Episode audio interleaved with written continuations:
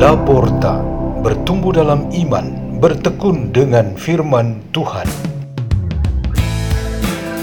Radio Laporta, pintu terbuka bagimu untuk pertumbuhan pengetahuan dan kebijaksanaan tentang Allah.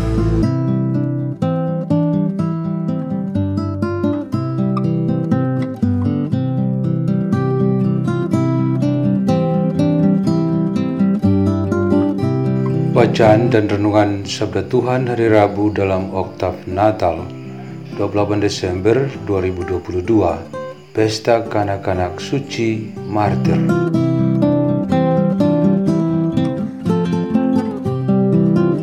Dibawakan oleh Pastor Peter Tukan SDB dari komunitas Salesian Don Bosco Gerak Kevikepen Labuan Bajo Kuskupan Ruteng, Indonesia.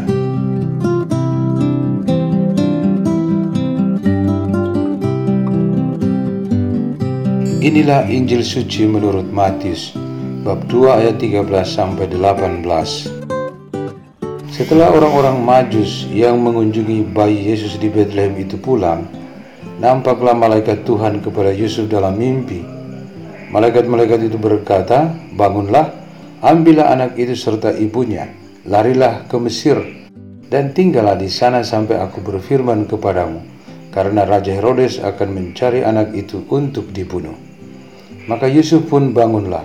Malam itu juga diambilnya anak itu serta ibunya, lalu menyingkir ke Mesir dan tinggal di sana hingga Herodes mati. Hal itu terjadi supaya genaplah yang difirmankan Tuhan lewat nabinya, dari Mesir kupanggil anakku.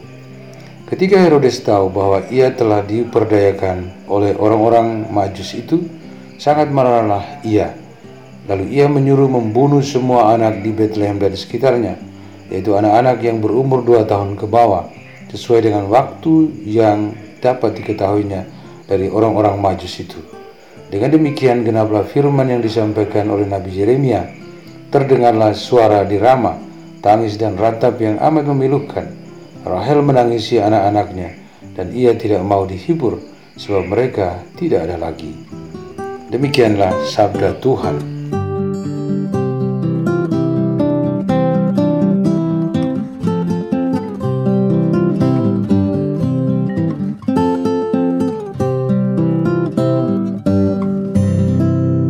Renungan kita pada hari ini bertema para martir pertama bagi Kristus. Baru saja kita diperkenalkan martir pertama dalam gereja yang baru didirikan di Yerusalem, yaitu Santo Stefanus.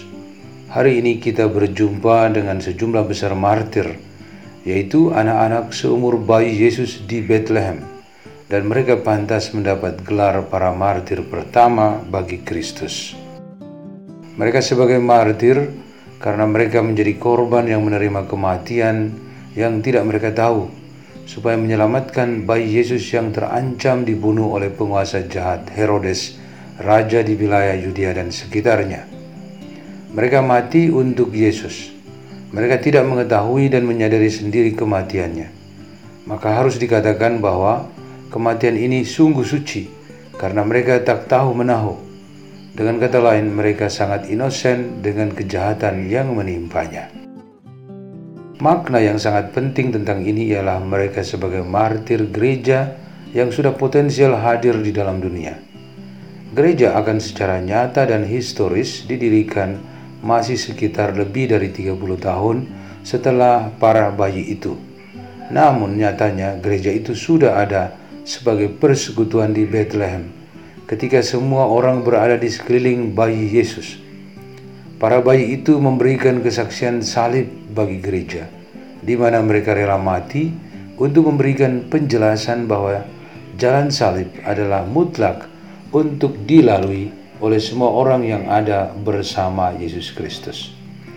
Mereka adalah para bayi yang belum tahu seluk-beluk dunia ini baik dan buruknya seperti apa. Tetapi karena mereka mati bagi Kristus, mereka sesungguhnya menempati posisi tertinggi dalam penghayatan iman yang sebenarnya. Mereka memberikan jalan bagi setiap pengikut Kristus bahwa mempertahankan iman, berkorban demi Tuhan dan mati karena Yesus Kristus adalah panggilan tertinggi setiap pengikut Kristus. Maka kembali lagi kita dikaitkan dengan semboyan kita bersama. Tak ada mahkota tanpa salib. Karena melalui peristiwa-peristiwa Yesus dalam penderitaan, penghinaan, dan kematian di salib itu, kemenangan dan kemuliaan kita capai. Kematiannya memenangkan kehidupan, hidup abadi bagi kita. Darahnya yang tercurah bagi kita menurunkan pengampunan dosa dan rekonsiliasi kita dengan Bapa Surgawi. Entah sudah berapa kali kita mengalami suatu kemenangan atas dosa dan kejahatan.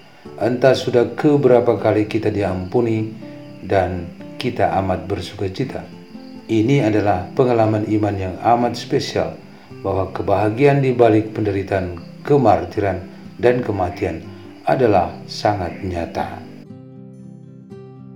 Marilah kita berdoa dalam nama Bapa dan Putra dan Roh Kudus. Amin. Ya Tuhan Yesus Kristus, bantulah kami untuk memikul salib-salib kami dengan gembira, sehingga kami dapat menjalankan kehendak-Mu Bapa kami yang ada di surga, dimuliakanlah namamu, datanglah kerajaanmu. Jadilah kehendakmu di atas bumi seperti di dalam surga. Berilah kami rezeki pada hari ini dan ampunilah kesalahan kami. Seperti kami pun mengampuni yang bersalah kepada kami. Dan janganlah masukkan kami ke dalam pencobaan, tetapi bebaskanlah kami dari yang jahat. Amin. Dalam nama Bapa dan Putra dan Roh Kudus. Amin. Radio Laporta, pintu terbuka bagi